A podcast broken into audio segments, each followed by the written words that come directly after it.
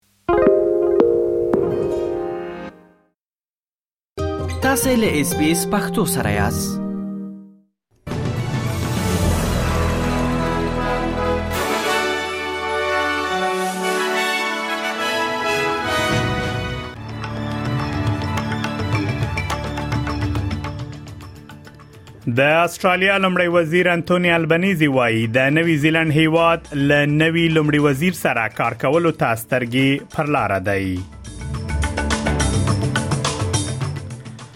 په جرمني کې د لویدیز متحدینو غونډه په دې کې پاتې راغله ترڅو اوکرين ته د جرمني لخوا جوړ شوی ټانکونه ورکړي چې له روسیې سره په جګړې کې ورڅخه کار واخلي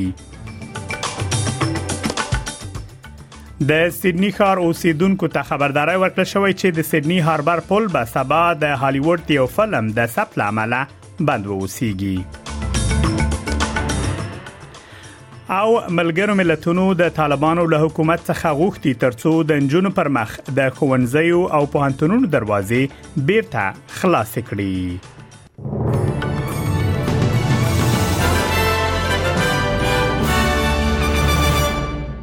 اوس هم پام وکړئ بشپړ خبرونه ته د استرالیا لمړی وزیر انټونی البنيزي وایي د نوي زیلند هیواد ل نوي لمړی وزیر سره کار کولو ته سترګې پر لار دی څلور څلوېښت کلن کریس هپکنز چې اوس مهال د نوی زیلند د پوهنې او د پولیسو وزیر دی د نیوزیلند د واکمن کارګر ګوند د مشرۍ لپاره یو ځنای نومان دی ټاکل شوی ترڅو سبا د یک شنبه په ورځ کارګر ګوند نوموړی تایید کړي او تر هغه وروسته به د لومړي وزیر په توګه لوړه تر سره کړي خغلی هپکنز د لومړي وزیر جسند اردن ملګری دی اغلی اردن څو ورځې وړاندې ل خپل دندې استعفا ورکړه د دندې پرې خودو لامل یې ستړیا په ګوته کړه چې په تیرو 15 نیمو کلونو کې تیر کړې ده د هغې یو ناڅاپي استعفا خلک حیران کړل خغلی البنيزي ویلي ل خغلی هپکینز سره خبرې کړي او هغه ته مبارکي ویلې ده په داسې حال کې چې ټاکل شوی خغلی هپکنز سبا د نوی زیلند د لمړي وزیر په توګه وټاکل شي خغلی هپکنز وای د نوی زیلند خلکو د هغه کار لیدلی او هغه به په خپل دند کې ریښتینی ووسیږي نو موړی زیاتوي چې په تیرو 15 مو کلونو کې لزینو ننګونو سره مخ شوی هغه انسان دی او وخت په وخت په اشتباه ورڅخه کیږي I think the New Zealand public have seen the work that I have done. Uh, I've, uh, you know, dealt with some challenging situations uh, over the last uh, five and a half years, the last couple of years particularly. uh, and I'll, you know, uh, I'm a human being. Uh, I'll make the odd mistake from time to time. I try and own the mistakes that I make. Uh, I don't pretend to be someone that I'm not.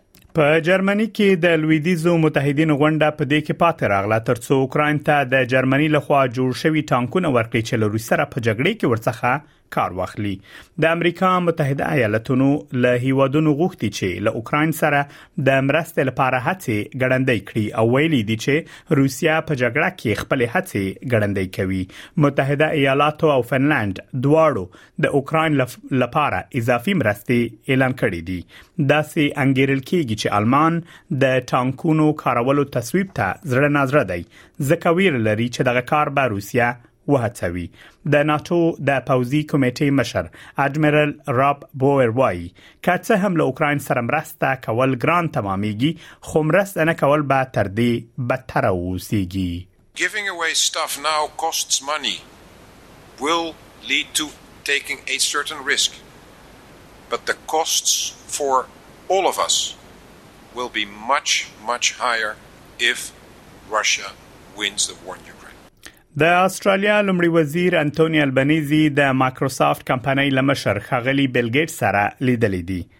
ښاغلي البنيزي له بل ګیټ سره د سیدني په کریبلي هاوس کې ناسه تر سره کړې او د اقلیم، انرژي او واکسین په اړه خبرې کړې دي. په دغه ناسه کې د استرالیا لمړي وزیر د روغتیا او نورو برخو کې د ښاغلي ګیټس هڅې ستایلې دي. د مایکروسافت شرکت بنسري کودونکو ویلي چې هغه غواړي ملاریا لمنځه یوسي.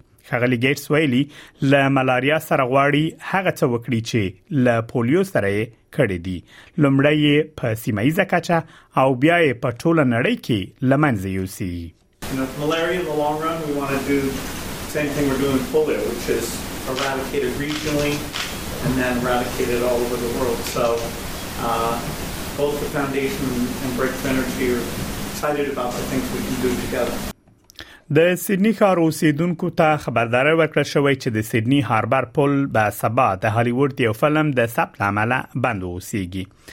د نیو ساوث ویلز ایالت د ترانسپورت اداره وایي د هاربر پل به د یک شنبه په ورځ د سهار له 3 بجو څخه تر 10 بجو د ترافیکو پر مخ وتړل شي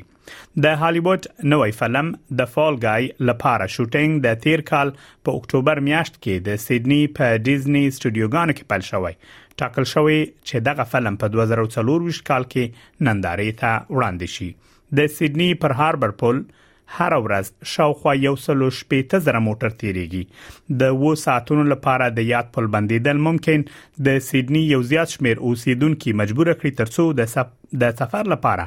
بل لار انتخاب کړي د امریکا دفاع وزارت تایید کړی چې هوایی سره نږدې په نړیوالو اوبو کې د روسیې د یوې جاسوسي بیړۍ د تګ راتګ څارنه کوي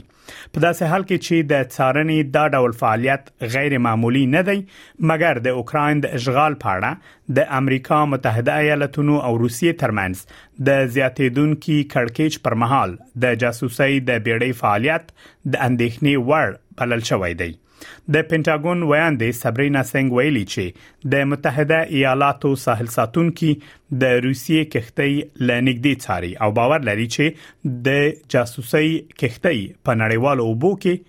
فعالیت لري هغه زیاتوي چې هیڅ ډول ناامنه یا غیر مسلکي چلند یې نه دی لیدلی او تم لري چې روسیه به ل نړیوالو قوانینو سره سم په سیمه کې عملیات ولري I can't speak to to why the Russians um, are are sailing the ship right now. Um,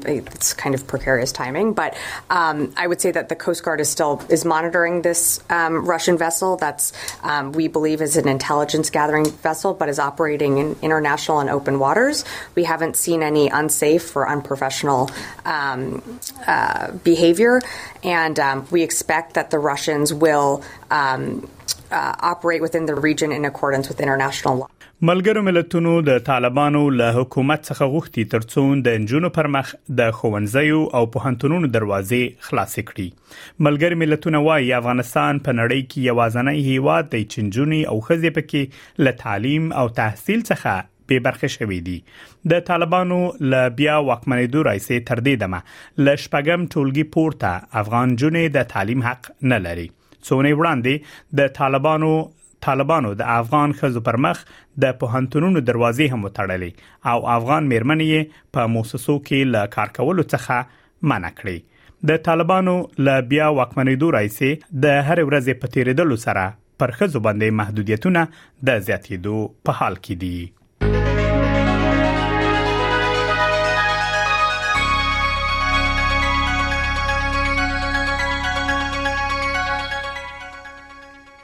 اوس هم پام وکړئ د هوا حالاتو ته په سیدنی کې نیمه ورځ د تودوخې لوړه درجه شپږويشت په ملبن کې نیمه ورځ د تودوخې لوړه درجه څلورويشت په برزبن کې د باران امکان شته د تودوخې لوړه درجه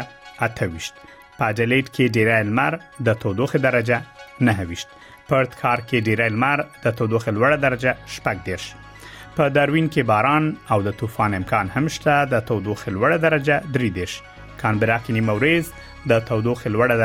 درجه 24 په نیوکاسل ښار کې هم نیمه ورځ د تودوخې لوړه درجه شپږ وشت او له استرالیا څخه بهر په کابل کې نیمه ورځ د تودوخې لوړه درجه یو او ټیټه منفي شپږ په پیښور کې هم نیمه ورځ د تودوخې لوړه درجه ولس او ټیټه شپږ دا هم د استرالی ډالر پر وړاندې د نورو اسعارو بیه د استرالیا یو ډالر او یا امریکایي سنټه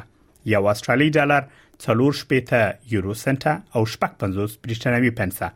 د استرالیا یو ډالر شپږ پنځوس هندیو کلدارو او یو سلو نه پنځوسو پاکستانیو کلدارو سره برابرېږي